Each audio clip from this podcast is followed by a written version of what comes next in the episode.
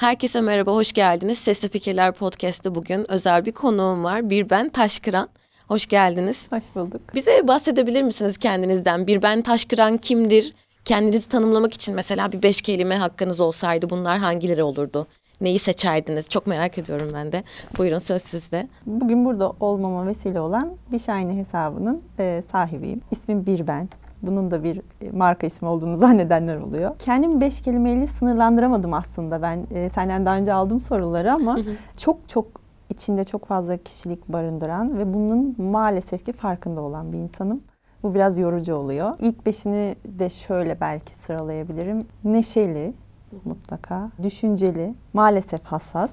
Ee, dönüşümlü düşünebilen, düşünceli biraz daha negativite içeriyor bende ama üretim kısmında dönüşümlü düşünebilen bir insanım. Bir de samimi bir insanım. Hassas dediniz benim aklıma şu geldi. Şimdi dünya hassas kalpler için zor bir yer diyorlar ya. Bir de alerjik insanlar için zor. Benim için Evet. mesela. Sesim kötü çünkü hastayım. Peki bir ben dediğinizde evet tek isim bir ben. Kim koydu isminizi ben çok merak ediyorum. Çünkü fazla biraz daha kendinizi tanımlarken birçok kelime kullandınız. Ben kendim sınırlayamam Evet. dediniz. Yani kim koydu? Neden koydu? Rahmetli babaannem koymuş. Biz Selanik göçmeniyiz. Yani bana söylediği kadarıyla orada bir arkadaşı varmış ismi Birben. Kendi kızına koymak istemiş, koyamamış. Ona bir sen koymuşlar. Sonra torunu olunca da yok bu Birben'i koyun demiş. Çünkü biraz garipsenmiş yani. yani pek bir anlamı olmayan, e, sadece tınısı güzel bir isim aslında. Öyle de yaşıyorum. Aslında anlamı da çok derin bence. Hı, evet, E, biraz Birben. yalnızlık ve farklılık içeriyor. Avantaja çevirmeye çalışıyorum hayatımda. Peki çiçeklere olan ilginizi, sevginizi sizi takip eden herkes biliyor. Ben de dahil buna. Peki yani özel bir anınız var. Neden çiçekler? O şöyle gelişti aslında. Ben bir dönem işte kurumsal hayatı bıraktığım bir dönem oldu. Depresyona girdim. Ve her sabah bir beton duvara bakarak uyanmak depresyonu daha da tetikleyen bir şeydi. Evet. Kendimi dışarı attım. e, Doğaya attım. e, Yeşile ve maviye. E, Ve o sırada şunu fark ettim ki ben renkleri çok seviyorum. ya herkes sever. Ama o Evet. renkler benim gözüme pıt pıt pıt görünmeye başladılar. Ve ben ne yapabilirim? Aslında başlarda işte nakış yapıyordum, işte böyle çizim yapmaya çalışıyordum vesaire. Kendini bulma yolculuğunda o renkler bana çok faydalı oldu. O yüzden çiçeklerle devam ettim. Epoksi sonrasında geldi aslında. Önce çiçekler sonra Tabii önce epoksi. çiçekleri fark ettirerek Epoksiye de geleceğim çünkü onu da merak ediyorum. Epoksi de çok ilginç. Herkesin bilebileceği bir madde değil. Evet. Çoğunlukla fabrikalarda kullanılıyor. Oraya daha sonra geleceğim. Tamam. Peki bu ekonometri alanında yaptığınız bir lisansınız var ve bir de MBA'niz var Doğuş Üniversitesi'nde. Yanlış bilmiyorsam Evet, değil mi? doğru. Neden ekonometri? Yani çok bilinen bir ismi de yok aslında. İstatistik ama ekonometri denince insanlar biraz e, duruluyor. Benim e, üniversite yıllarımda okuduğum zaman da aynı zamanda çalışıyordum ben. O zamanlarda öğrencilerle çalıştığım için ben birçok yani üniversitelerdeki neredeyse bütün alanları biliyorum. Ee, üniversiteler de dahil. E, O yüzden ekonometri ben biliyorum ama çok kişi bilmiyor. Yani Evet. neden ekonometri siz mi seçtiniz? Şöyle oldu. Ben 2000 yılında üniversiteye girdim. Mimar olmak istiyordum ama puanımı tutturamadım. Bir daha hazırlanmayı da hiç düşünemedim. Ee, Çünkü biraz tez canlı bir insanım aslında yani. Ee, sayısal mezunu olup eşit ağırlıktan da çok yüksek alabilince hiçbir şekilde edebiyat ya da tarihle ilgim olmamasına rağmen o bence benim yeteneğimdi ki sonradan da çıktı. Eşit ağırlıktan yüksek bir puan alınca dershane hocaları ona yönlendi. Yani iktisat yazalım, işletme yazalım. İşte ekonometriye de ben bir gün önce televizyonda tanıtımını gördüm.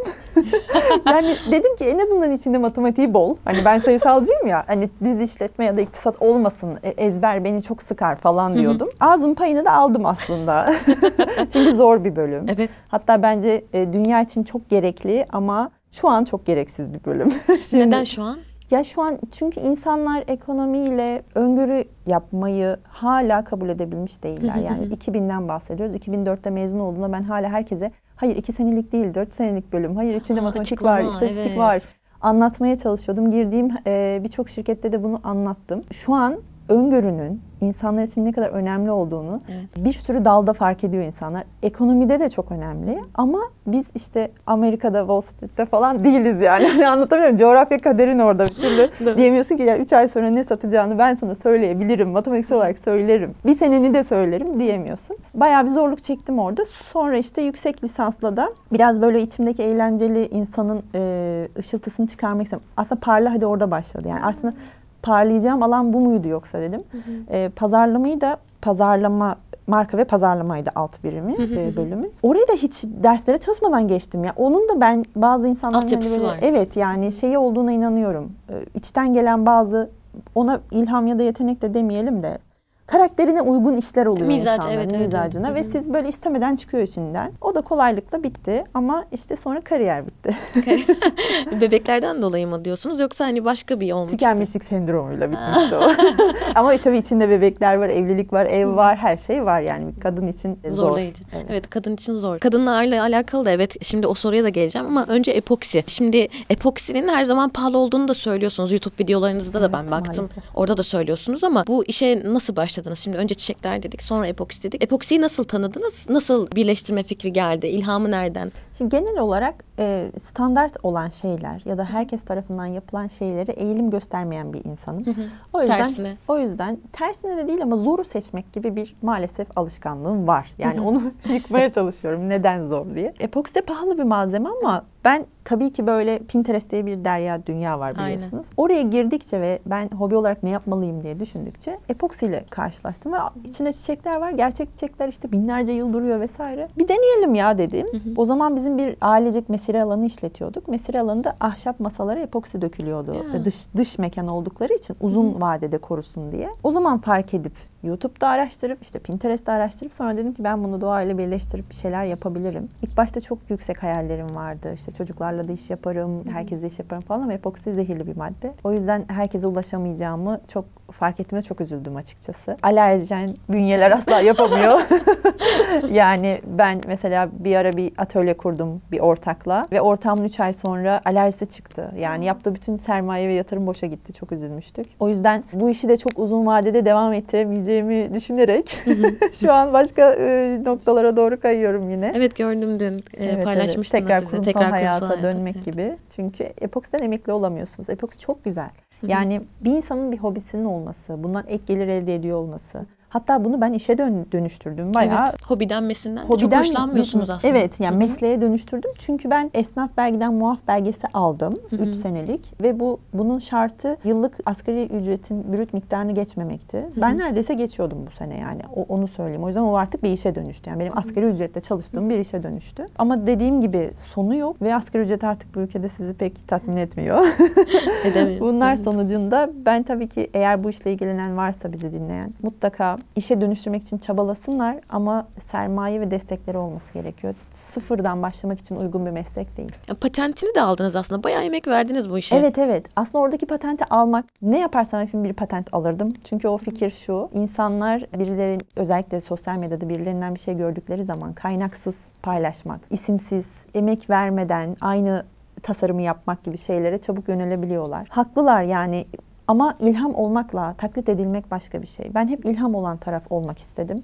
Kendim de başkalarından e, bir şey aynısını yaptığımda ya kaynak belirttim ya da şu şu şu kişi bana ilham oldu ben de değiştirdim dedim ki hep değişik yapmaya çalıştım. Yani mutlaka onun içinde bir bir ben olsun istedim. Bunu da aslında özellikle hobi olarak iş yapan, evlerinden çalışan insanlara anlatabilmek için o patenti aldım. Yani yoksa yaptığım şey atla deve değil herkesin yapabileceği bir şey. Geçenlerde hatta bir leğenin içine döktüğüm Evet, video çok tatlıydı. inanılmaz patladı ama ben onu 3 senedir yapıyorum. Hani dedim ki bu kadar dikkat çekici bir sene 3 sene önce de paylaşırdım. Hatta Ee, o taktığınız maskeler atomu mu parçalıyorsun be kadın diyorlar ya. Aynen öyle yani yorumlar öyle şeyler yazanlar öyle, da doğru. oldu. E çünkü diyorum ya yani bizler bir şeyleri tamam hemen aa biri yapmışsa ben de yaparım. İşte e, orada biraz Çin gibiyiz yani hemen alalım ve aynısını taklit Kopyalayalım, edelim gibi ama evet. bu öyle bir millet olmadığımızı biliyorum yani emeğe ne kadar değer verdiğimizde onu hatırlatmak amaçlı o patent yani. Yok iyi ki almışsınız. Yani ben aslında görünce şunu düşündüm. Dedim ki evet patent de alınmış. Yani ciddiye alınıyor insan. Yani kurumsallaşıyor aslında bir yerde. Evet o da onun bir adımı. Yani, hı hı. O yüzden bence insanlar onu görünce daha ciddiye alıyor.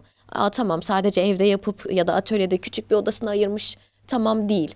Cidden bir şeyler var, bir emek var arkasında, düşünce var. Yine de onu da yine de evde Aynen. yapıyormuş gibi görmeye devam eden çok var maalesef. doğru doğru. Peki e, aynı zamanda yazdığınız bir kitap var Cezve Çocuk'tan. Evet. Yani çiçeklerle alakalı bilmiyorum. Tamamen hayatınızı aslında bir yerde konuşlandırmışsınız çiçeklere dair ama e, neden o kitap yazdınız? Mesela çocuk kitabı aynı zamanda ansiklopedi değerinde. O da şöyle. Çok güzel. Benim hoşuma gitti. Ya o benim hep hayalimdi. Hı hı. Şimdi ben dediğim gibi sayısal okudum. Hı hı. Ama Sosyal. Üsküdar, Üsküdar Kız Lisesi'ni okudum ve kompozisyon birincisi seçilirdim. Ar, üst üste. Hatta bir ara öğretmenim kompozisyon kraliçesi diye bir isim takmıştı. Allah'ım çok utanırdım. Demeyin hocam öyle.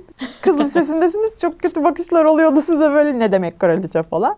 Çok severdi edebiyat hocam beni. O da istemsiz bir şey işte o içten gelen bir yazma yeteneği. Babamda da vardı rahmetli. O da şiir yazardı. Ben şöyle oldum. Epoksi işe dönüşüp, hobiden çıkıp işe dönüştüğünde kendime bir hobi bulmalıyım başladım tekrar. Yani içimdekileri aktarabileceğim bir yer daha olmalı. Başka şey. Çünkü hı. artık para kazandığınız zaman standart işlere de yöneliyorsunuz. İşte bir tasarım yapıyorsunuz ve ondan 5 tane, 6 tane kaç sipariş gelirse işte güllü panolarım. Hep ondan yapmaya başlıyorsunuz ve bu artık yeni bir şey yapmadıkça da beni sıkıyor. Dediğim gibi farklı bir şeyler yapma Rutine kapılmak. şeyim var. evet. Rutini çok sevmiyorum. Ee, yazarlık atölyesine katıldım ben. Net yazının Tuğba Coşkuner'le. Orada da hocam çok değer verdi. Tuğba hocam bana Allah razı olsun. Böyle bilmiyorum ya sizde bir ışık görüyoruz hani çiçeklerle de çok ilgilisiniz. Hadi bir şeyler yapalım mı dedi. Ben de o dönem böyle şey yapıyorum. İşte tam pandemi zamanı online işte doğa atölyeleri vesairelere katılıyorum. Çocuklara çiçekleri anlatıyorum. Tanıdığım çiçekleri.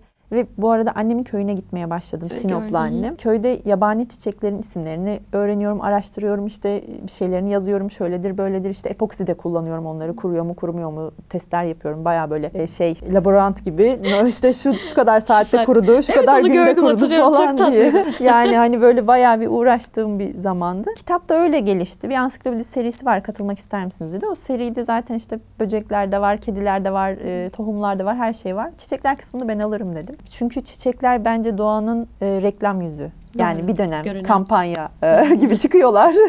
Biz buradayız diyorlar. Sizi doğaya alıştırıyorlar. Sonra da seyrine bırakıyorlar. Onu da öyle ço- çocuklara anlatmak istedim. Peki e, Onediyo.com'da da yazdığınız birçok içerik var. E, neden Onediyo.com'da yazmaya başladınız? Onu da merak ediyorum bu arada. Evet.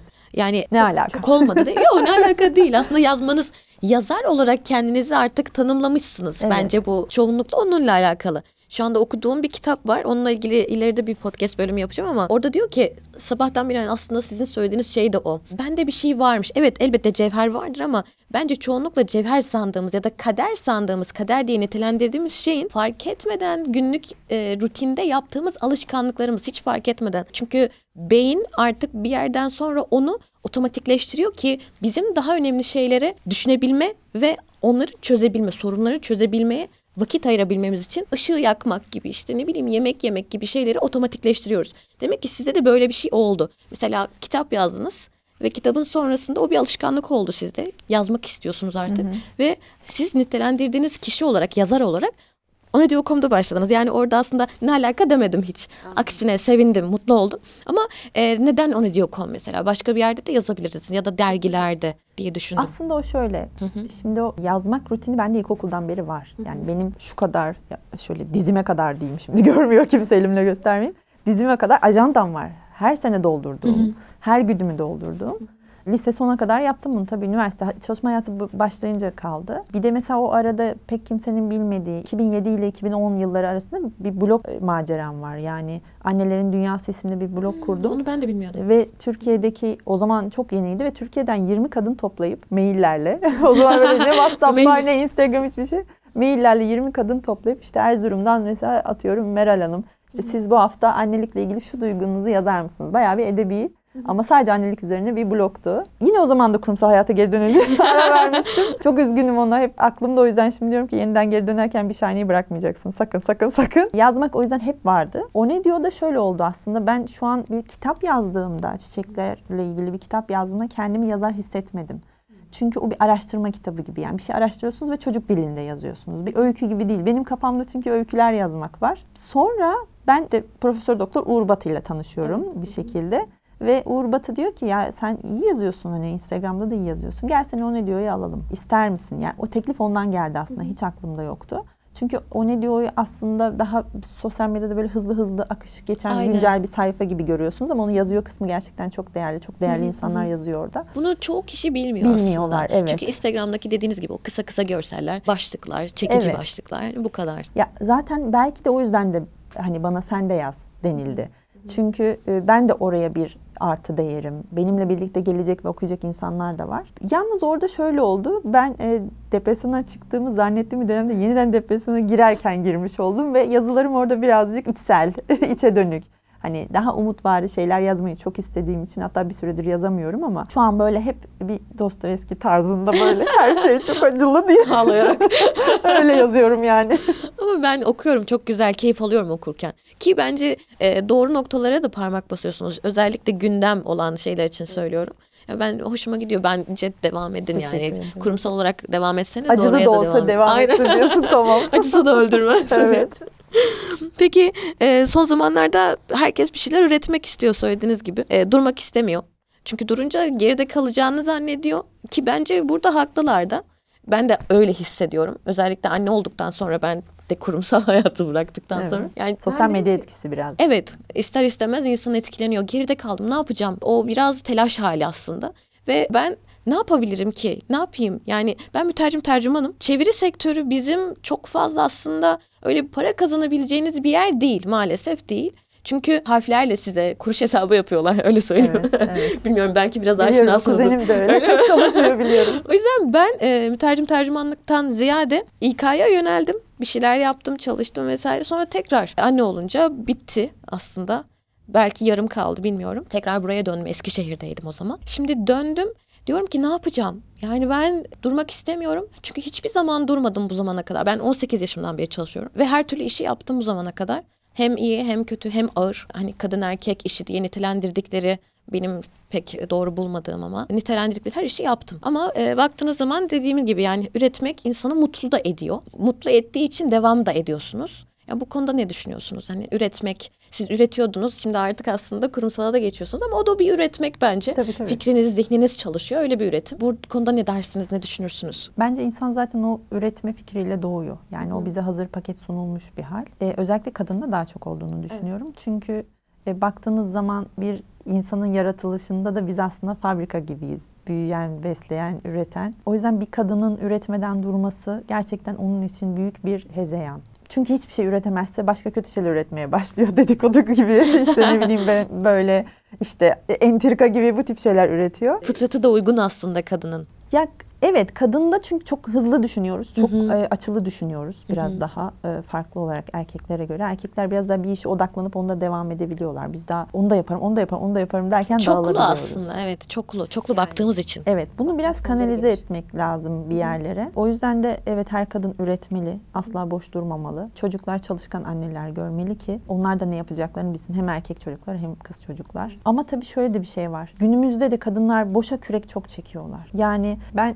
onu şurada da fark ettim. Müge Anlı'ya hediye götürdüğüm bir zamanım vardı benim. Bir aracı buldum. Müge Anlı'yı da severim ama seyretmem programını bulduk. Yani biliyorsunuz sosyal medyada bir fenomen olacaksak birine bir şey hediye edeceğiz falan. Ama inanılmaz değişik bir aurası vardı. Yani böyle ben ben uzun boyluyumdur. Ona böyle bakınca. Ya de- benim boyumdaydı ama sanki daha uzun gibiydi. Hani böyle bir e, hali var. E, böyle bedeniyle bütün dönen insanlardan çok hoşuma gitti. Yani sana değer verdiğini hissettiriyor baktığı. Bir bence hoş geldin falan. Ve ona çanta hediye ettim ben o zaman. Çantalarım da çok farklı bir tasarımdı. İnanamıyorum dedi. Nasıl benlik bir hediye olmuş dedi. Bana dedi örüyorlar, örüyorlar, örüyorlar. Anneanne hırkası gibi gönderiyorlar dedi. Hani bir şey de diyemiyorum ama bak dedi işte hediye böyle olur dedi. Yani o zaman da anlıyorsunuz ki evet bir şeyler üretiyoruz. Birilerine ulaştırmaya çalışıyoruz. Bundan para da kazanmaya çalışıyoruz ama doğru yerde doğru zamanda yapmamız lazım bunu. Yani anneanne hırkasını Müge Anlı'ya gönderirsen onun birilerine verecek ama şey olmayacak yani. Benim çantamı taktı mı onu da bilmiyorum ama takmıştır umarım. Ya Yani. anneanne hırkasıyla alakalı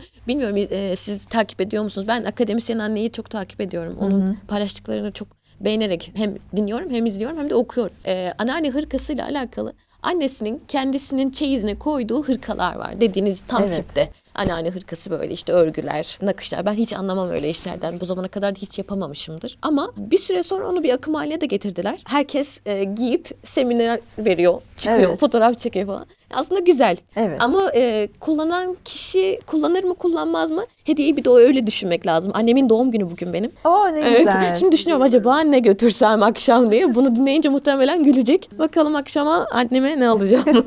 Ya evet e, kişiye özel olması bir şeylerin daha anlamlı. Yani o yüzden üretirken de e, müşteri kitlemizi bilerek, kime nasıl yapacağımızı bilerek yapmamız lazım. Sonra o işte fazla fedakarlık, vefasızlık getiriyorum niye yaşayalım değil mi? Doğru.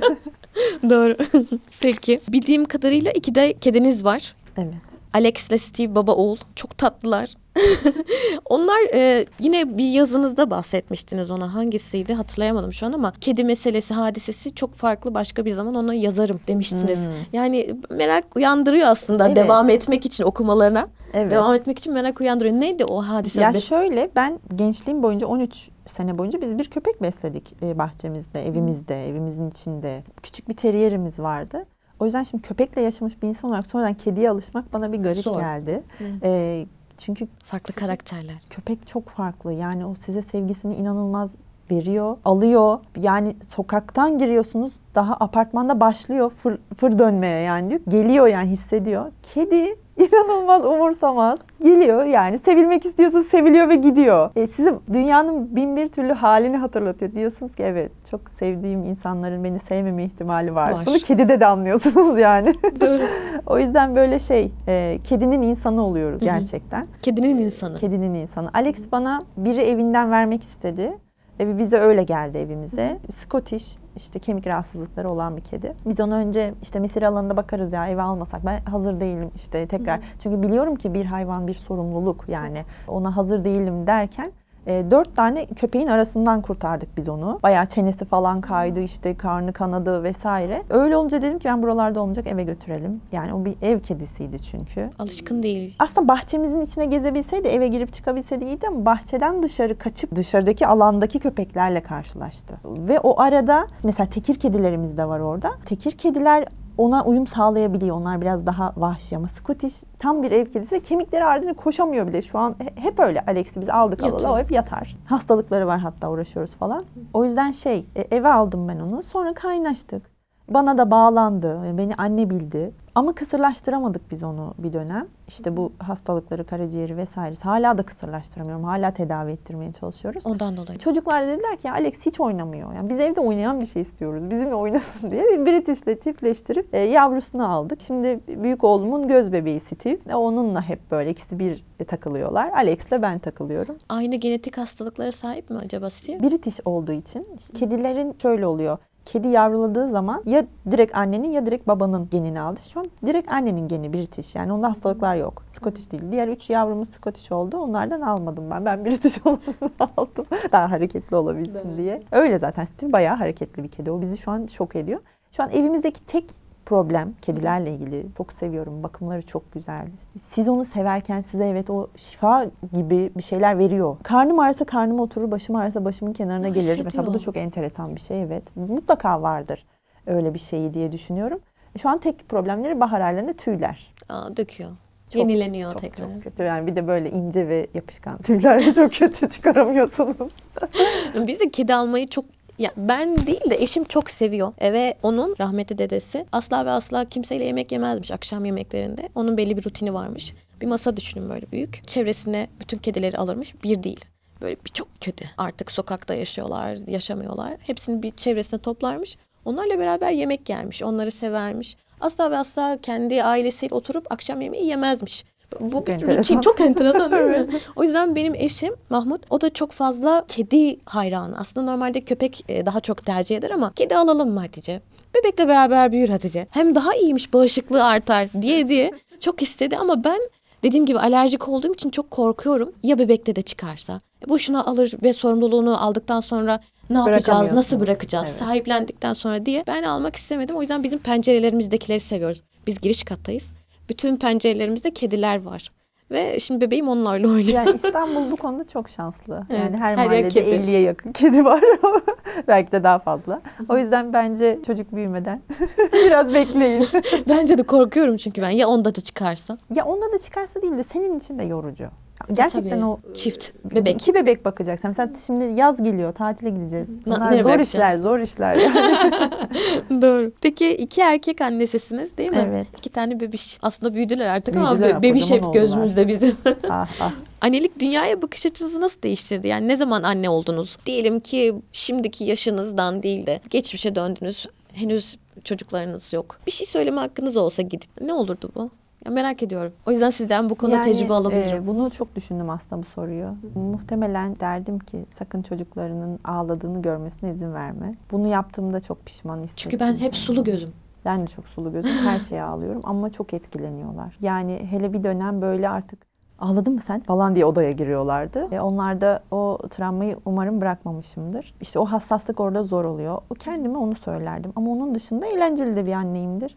Onlarla çok yenilendim. Özellikle ilk oğlumla. Şimdi mesela geçenlerde biri şey sordu. Hayatındaki en en en böyle çarpıcı ve güzel an neydi diye hatırla hani ne söyleyebilirsin dediler. Bir sürü var ama oğlumun bir şeye şaşırıp güldüğü anlar o 2-3 yaşlarında işte ya da 7-8 yaşlarında sorup hani anne anlatsana bunu deyip anlattığına böyle hayran bakışı ve gülümsemesini hiç unutamıyorum. Bir oğlum daha var.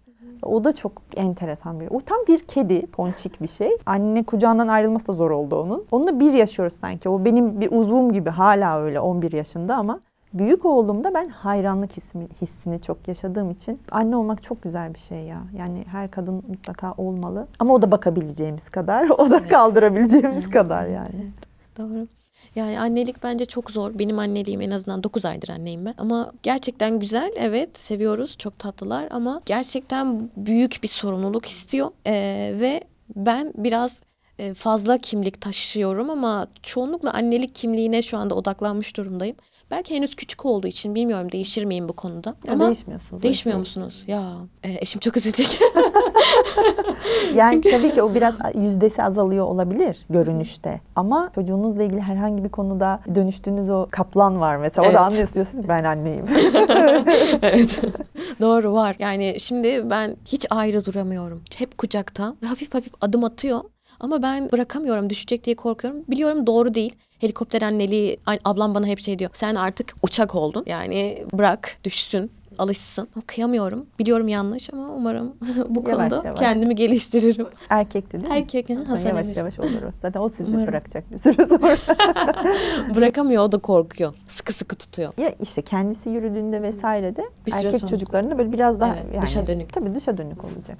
Çevre, nesneler, kadınlar daha çok kız çocukları özellikle bebekken. Onunla ilgili de bir şey okumuştum. Şey diyor ki beynin cinsiyeti vardır ve kız çocukları bebekken daha ben ona dikkat ettim bu arada. Çok lisedeyken okumuştum bununla ilgili. Diyor ki kız çocukları bebekken daha çok anne ve babanın yüzünü seçer ya da insanların yüzüne bakar, anlamlandırmaya çalışır. Ama erkek çocukları nesneyi takip eder. Çok doğru. Ben e, o kartlar var kartları gösteriyorum. Sadece onlara bakıyor. Ya da benim üstümdekilere bakıyordu. Renkli mi? Yani hiç yüzüme bakmıyordu bebekken. Çoğunlukla nesneleri İşte o takip kopuş ediyordu. öyle oluyor zaten. Oradaki kopuş duygusal kopuş. Yani erkek sizden bedenen daha uzun sürede kopabiliyor. Kız çocukları biraz daha mantıkları gelişmiş. Hemen işte çevreye odaklanıyor ama erkek çocuğu evet biraz daha işte emme süresi uzun oluyor, kopma süresi uzun oluyor vesaire. Ama duygusal olarak kopuşları da çok sert oluyor. Yani ben mesela işte ilk oğlumda fark etmiştim. Bir şey söylüyorum ya da bir böyle hani onu mutlu mu ağzın içine bakıyorum. Mutlu musun şu an? Üzgün müsün? Nasılsın? Vesaire falan. 7-8 yaşlarındaydı yine. Anne biraz abartmıyor musun dedi.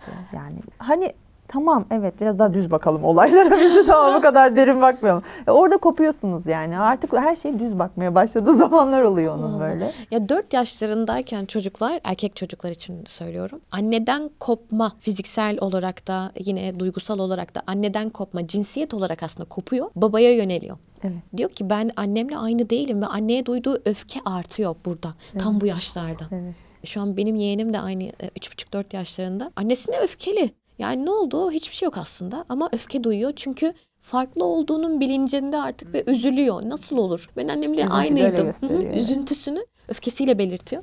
Bu da çok ilginç bir araştırma. Onunla alakalı da bir makale var. Yani onu isterlerse onu da paylaşabiliriz. Şimdi bir diğer nokta ikimiz de büyük şehirlerde yaşıyoruz. Büyük şehir demek insanlar demek, insanlar demek karakterler, kaba insanlar daha çok burada. Aslında kabalaştırılmış belki.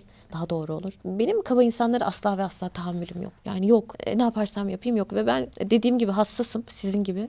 Ama kabalık yapıldığı zaman oturup ağlıyorum. Evet. Kaldıramıyorum. evet yani ağlamak istemiyorum aslında o sırada. Ama duygum o şekilde çıkıyor yani yapacak bir şey yok. Neden ağlıyorsun diyorlar ama ağlamak istiyorum çünkü o şekilde çıkıyor. yapacak bir şeyim kalmıyor. Muhtemelen sen de işte okulda, lisede, ortaokulda böyle münazara kulüplerine falan giremeyen insanlar. Yok girdim. Girdin? Ama Ben mesela Üniversitede giremezdim. girdim. Bir şey, bir şey ifade etmeye başladım mı ağlardım ben. Hayır öyle değildi diye. ya evet o kaba insan çok. Daha da kabalaşıyoruz.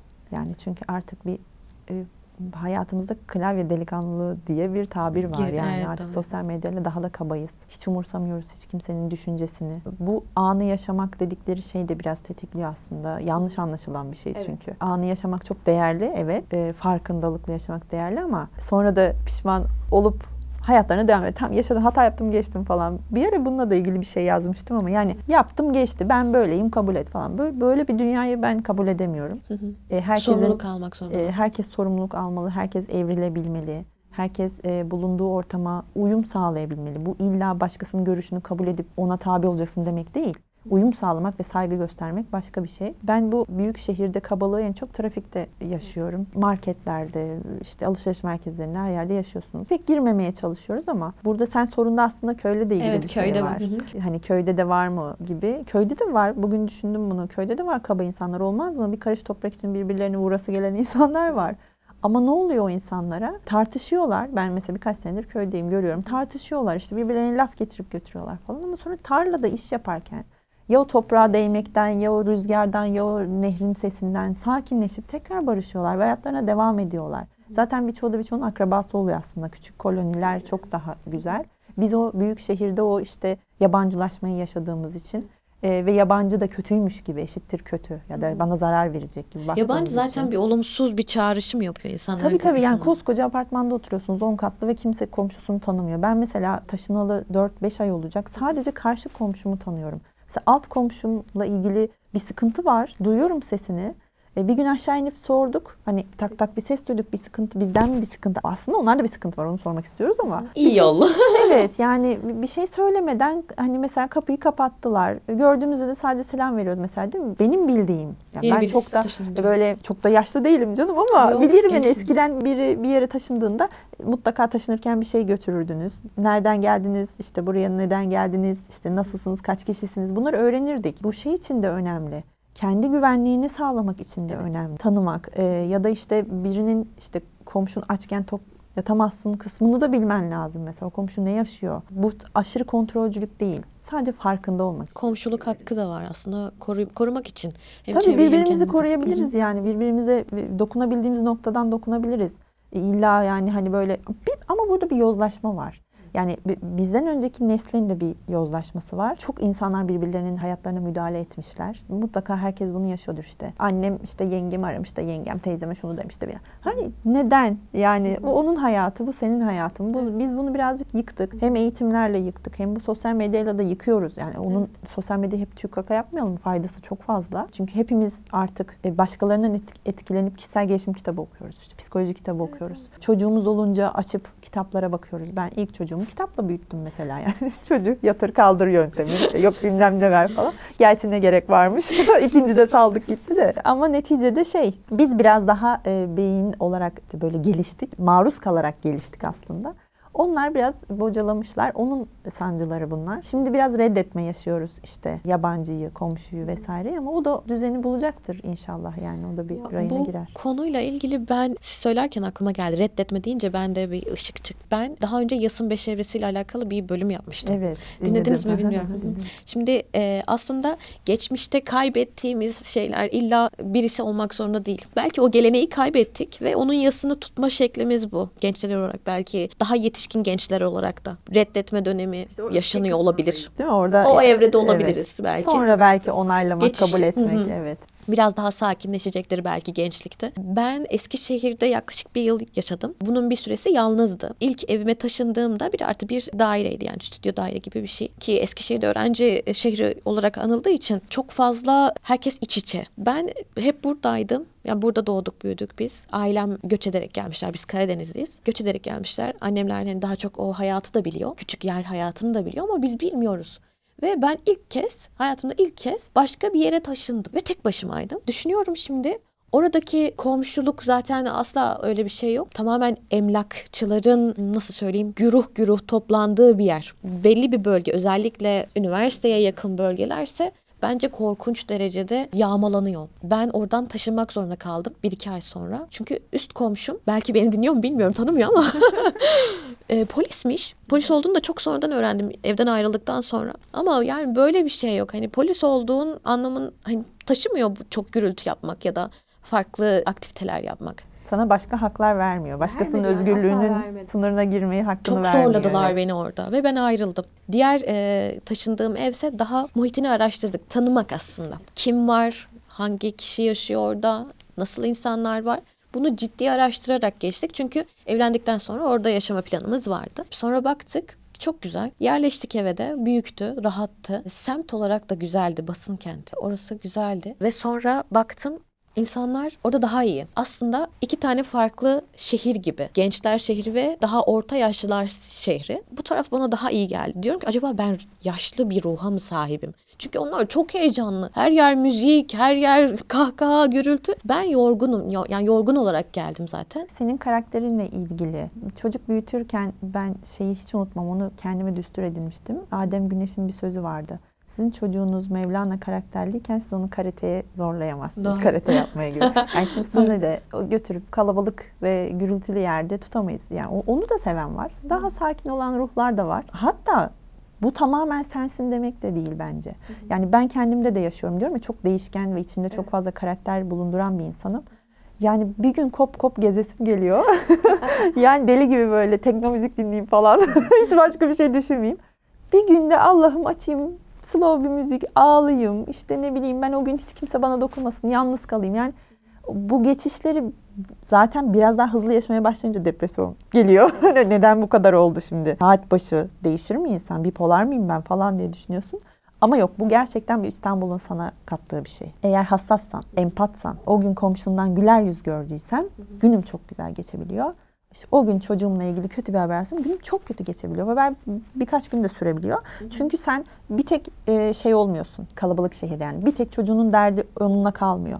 Arkadaşıyla sıkıntısı varsa onun annesi arıyor. İşte ben mesela velilerden çok uzak dururum. Bunu dinleyen veli arkadaşlarım da olacak ama e, veli e, gruplarında lütfen. ben yokum. Ben sadece e, böyle hayalet izleyici. Çünkü biliyorum ben annelerin dünyasından da biliyorum. Anne kişisi gerçekten çok acımasız da olabiliyor kendi çocuğuyla ilgili konularda. Gelişmemiş bir anne ise. O yüzden şartlar da bunu gerektiriyor şu an. Yani çocuklar LGS'ye hazırlanıyor, çocuklar ÖSS'ye hazırlanıyor. Neyse artık de, adı değişiyor, devamlı. Yani devamlı sınavlara hazırlanıyorlar vesaire. İnsanlarda da böyle bir yarış hali var. Senin çocuğun kaç aldı, benim çocuğum kaç aldı. İşte ne hangi dershaneye gönderiyorsun, ne yapıyorsun falan. E çok şükür ben çocuklarımda daha o aşamaya gelmedim. Geleceğim ama muhtemelen. Öyle mi?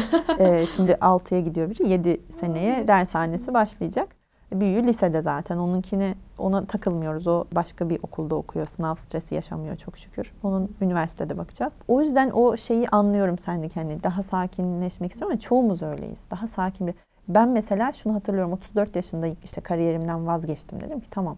Yani ben birkaç sene hiçbir şey düşünmeyeceğim, yapmayacağım. Ki ona rağmen biraz mantıklı bir insan olduğum için yine bir yerlere CV veriyordum ben. Belki olursa yine düşünürüz falan deyip. yani git, gitmesem bile çünkü biliyorsun işte akan bir zaman var, akan bir süreç var. yapayım. Tabii ben mesela şu an bile özellikle bu sene inanılmaz derecede iş aradım ve bana işte ben, benim ileri Excel'im var. Ben zannediyorum ki kralım yani ileri Excel'im var. Makro falan biliyorum hani. Ah görüşmede diyor ki Power BI biliyor musun? O ne ya? Geride kalmışız. Aa nasıl geri geride kalırım ben? Ha bakıyorsun PowerPoint ile Excel'i birleştirmiş aslında. Evet. Ama tam öğrenirim. Hemen öğrenirim. 10 gün sürmez falan demek de bir yaştan sonra insanın ağrına da ne iş olsa yaparım abi gibi oluyor. O yüzden zamandan geri kalmamak için bir şeylere çok çabaladım ama 34-35 yaşımda şunu dediğimi hatırlıyorum ya ben artık emekli olmak istiyorum. Çünkü hem o çalışma hayatı hem o şehrin kaosu emekli olmak istiyor. Yani şimdi kiminle konuşsan 35 yaş üstü herkesin bir Ege'ye gideyim bir kasabada yaşayayım hayali var. Benim de var şu an. Ben çok şey değilim yani. Ya 20, Bizden önceki 25-26 neslin yaşındayım. 50-60 emekli olayım öyle bakarım diyordu. Biz öyle değiliz ama 35'te bitiyoruz biz yani. Tamam diyorsun ya. O yüzden de bu şu an benim yaptığım bu epoksi işleri, Geleceğe yatırım aslında. geleceğe yatırım ve insanlara ilham olan o aslında. Bana dönüşler hep çok güzel ürünler yapıyorsunuz değil. Tabii onları da söylüyorlar ama Birve Hanım sizin cesaretinizi seviyoruz. Sizin işte hayata hiç durmadan düşüp düşüp kalkışlarınızı seviyoruz diyorlar. Düşmeyi ben de istemezdim ama. Evet kalkmak bana yapıştı artık. Azim ve cesaret bununla ilgili ben de yarın yapacağımız Speaking Club'la ilgili bir şey söylemiştim. Denk Evet. geldi aslında. Azim ve cesaret çok doğru. Ve aynı zamanda bahsettiğiniz bu çevredeki insanların düşüncelerinden etkilenme olayı da var. O aslında çok bambaşka bir dünya. Duygusal zeka ile alakalı. Yani ben de öyleyim. Ve bu konuda kendimi biliyorum, tanıyorum. Hangi konuda daha çok geliştirmem gerekiyor kendimi. Evet insanların söyledikleri, hissettikleri, var olduğu her yerde belki o sırada olumlu ya da olumsuz bir şey var ve ben ona göre şekilleniyorum. Bu çok çok çok yorucu, çok yanlış bence. Çünkü kişiyi tüketiyor. Bir süre sonra artık başkalarına göre şekillenmeye başlıyorsunuz ve bu ciddi anlamda zarar yani ruh- ruhunuza zarar veriyor. Ben geçen hafta terapi almaya başladım. Çok uzun zaman buna direnmiştim. Kendi kendime halledebilirim, yapabilirim. Çünkü bir şey de var. Kendi farkındalığım var ve bunu nereye kanalize etmem gerektiğini bildiğim sürece hallederim diyordum. Ama işin içinden çıkamadığımı görünce de geçen hafta terapiye başladım ve ilk duyduğum şey şuydu. Birve Hanım hayatınızın nesnesi olmaktan çıkıp öznesi olmaya geçin Evet. lütfen diye. Bir insanın bir hayatta nasıl nesne olup nasıl özneye geçmesi gerektiğini de bilirsiniz ama kendi hayatınızda durup diyorsunuz ki aa ben de öyleymişim bak görüyor musun? Birinin söylemesi lazımdı bunu. Terapi burada işe yarıyor. Ve mesela ikinci terapimde de, ikinci seansımda da şunu e, çözdük mesela. Duygularımızı bu kadar yoğun yaşamak zorunda değiliz. Tamam sanatçı tribüne girmeyelim bu kadar. Bazen sıradan insanlar olmayı da kabul edelim. Bir insan bir şeye belki iki gün, üç gün sevinir. Yaz bile bizde üç gündür aslında. Ama biz bunu abartıyoruz, abartıyoruz, abartıyoruz. Sonra da işin içinden çıkamaz hale getiriyoruz.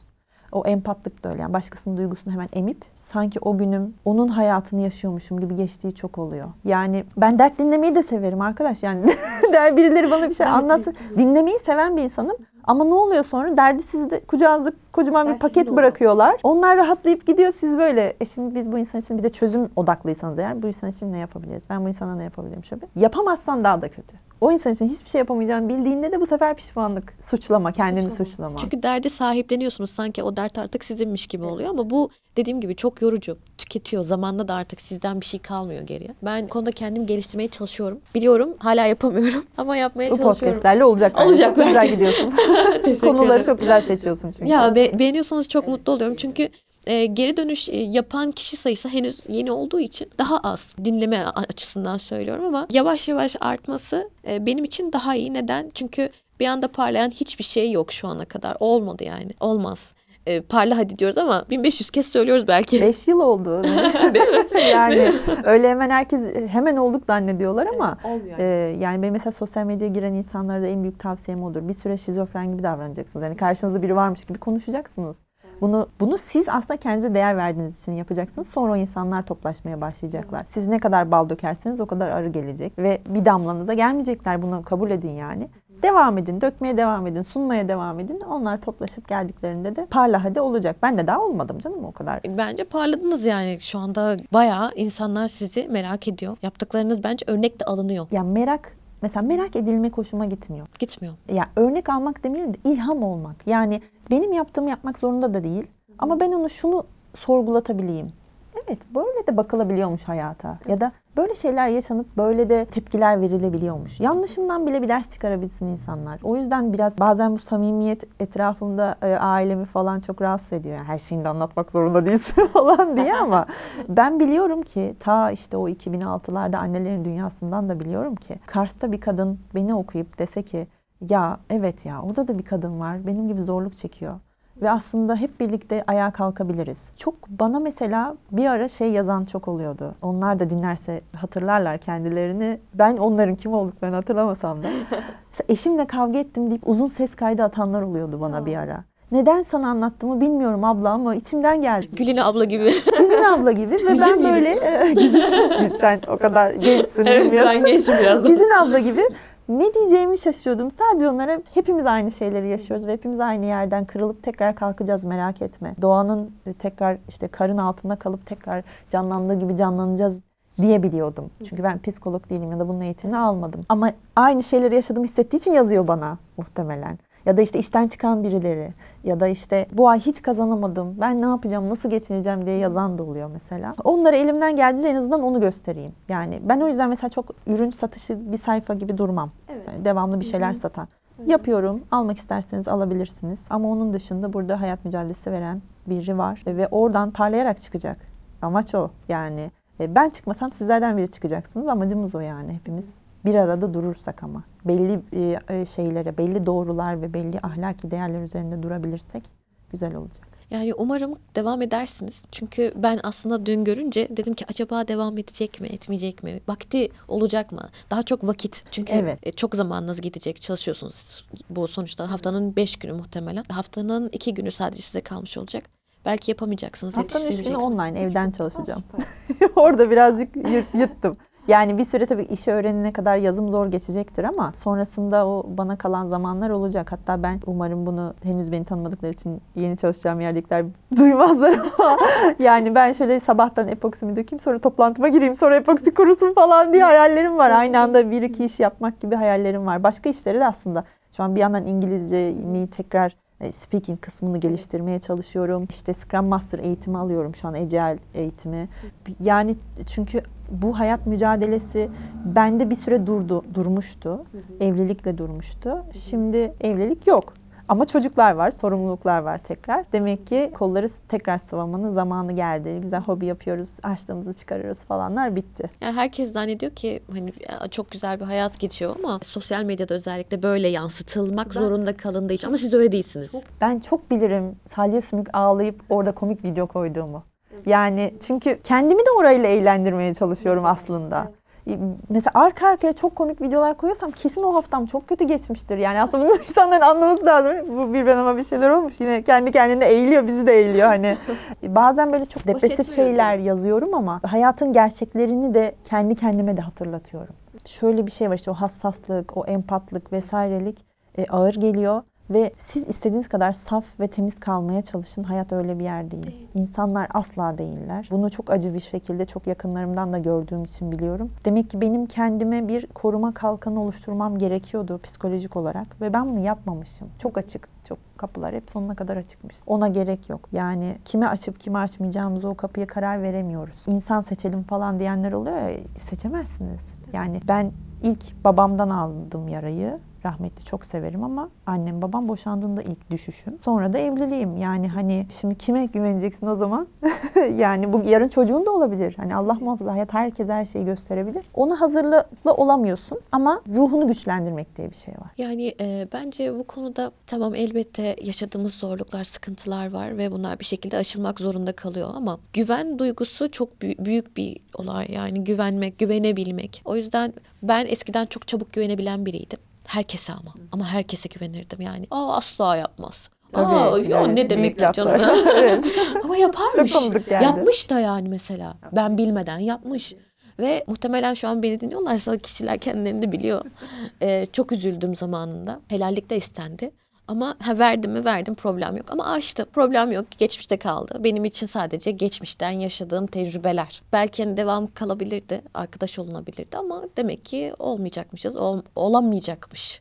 Yani bunu kabullenip geçebilme, o da yas aslında. Kabullendim. Kaybettiğim arkadaşlıklarımın yasını tuttum uzun süre ve geçti. geçiyor ve şöyle oluyorsunuz bir süre sonra da. Mesela bu saatten sonra gelip benimle yeniden özellikle benim ilk bu tükenmişlik sendromu yaşayıp kurumsal hayattan vazgeçme sebebim orada çalıştığım insanlardı çoğunlukla. Mesela görüşmediğim insanlar var oradan. Ama geçenlerde mesela dedim ki şimdi gelse ve dese ki seninle tekrar konuşmak istiyorum. Konuşurum ya Hatice. Yani hayat öyle bir şey ki Aynen. herkes kendini şey zannediyor. Tek bu acıyı ben yaşadım ve bir, işte etrafındaki insanlar bana işte yardım etmediler ya da işte anlamadılar beni vesaire değil. O dönem benim çok kırıldığım şeyleri onlar anlamadılar. Ben de onları anlamadım aslında.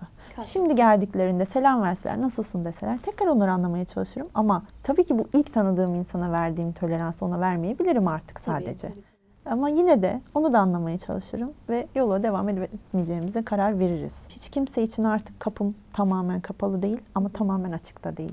Belli sınırlar çerçevesi. Yani o aslında herkes için geçerli. Evlilik ilişkisi için de geçerli. Çocukta emin değilim ama belki çocukta da öyle. Çünkü diyorlar ki hani daha çok değer verdiğiniz kişi önce kendiniz olun sonra zaten diğer sağlıklı ilişkiler kurulabilir diyorlar. Oksijen tüpü önce sana öyle diyorlar. Doğru oksijen tüpü. Uçmayın. Ama bilmiyorum o herkes için geçerli. Yani çevrenizdeki herkes için geçerli. Çünkü sizi sizden başka kimse ayağa kaldırmayacak. Kaldırmıyor. Tecrübeli sabittir. kaldı. Kaldırmıyor. Sadece siz ve kendiniz yani mezara da kendimiz tek başımıza giriyoruz ya aslında bu bölüm birazcık şeye doğru gidiyor. Yasa yasdan Yasa tuttuk doğru, ama gidiyoruz aynen. Yani e, bu şekilde bilmiyorum. Ben böyle düşünüyorum. Evet. Doğru düşünüyorsun. Her şeyde, hayatta her şey dengeyle karşılık buluyor gerçekten. Peki ben çok teşekkür ederim bu bölüm için. Ben teşekkür ederim. Eklemek istediğiniz ya da söylemek istediğiniz başka bir şey varsa ben dinlemek çok isterim. Şunu eklemek isterim. Ben uzun zamandır podcast dinleyen biriyim. Çok faydasını görüyorum. Evet. Senin bu yeni atılımın da çok hoşuma gitti. Çünkü ben bilgi içerikli şeyler dinlemeyi severim. Mutlaka bana sonunda bir şey katsın isterim. Seninkiler katıyor. Hı, çok sağ olun. o yüzden inşallah bu programı da dinlerler. Birilerine faydalı olabiliriz. Ve seni de devamlı dinlemeye devam ederler. Çok teşekkür ederim. Siz de devam edin lütfen. Çünkü ben gerçekten sizi takip ediyorum ve çok destekliyorum. Bunu her zaman size söylüyorum. Her fırsatta söylüyorum. Öyle kolay bir yaşam yok belki önünüzde. Ama kimin var ki yani? Değil mi? Herkesin kendi zorlukları var. Yani o birbirimizde aslında bazı şeyleri sezdikçe de yakın hissediyoruz kendimize. Ben şu an hani Instagram hesabında dün mesela yeniden kurumsal hayata dönüyorum dediğimde yani abartmıyorum 150-200 tane mesaj aldım. Ve onlar hep aynı insanlar. Yani farkındayım. Dönüyorlar. Halimesi var, Evşeni var, Sevceni var. O kadar böyle devamlı bildiğim ama hiç tanışmadığım insanlar var ki biliyorum ki onlar bana mutlaka mesaj atacaklar. O yüzden böyle kardeşlerim oldunuz diyorum. Çok önemli, bu çok değerli. Sosyal medyada düzgün işler yapıp e, düzgün ilişkileri de orada düzgün kurabilmek. Yani gelip geçici değil de sağlam arkadaşlıklar kurabilmek. İnşallah birilerine hayrımız dokunur böyle. İnşallah. Çok teşekkür ederim geldiğiniz için, konuk olduğunuz için. Bir sonraki bölümde görüşmek üzere. Hoşçakalın.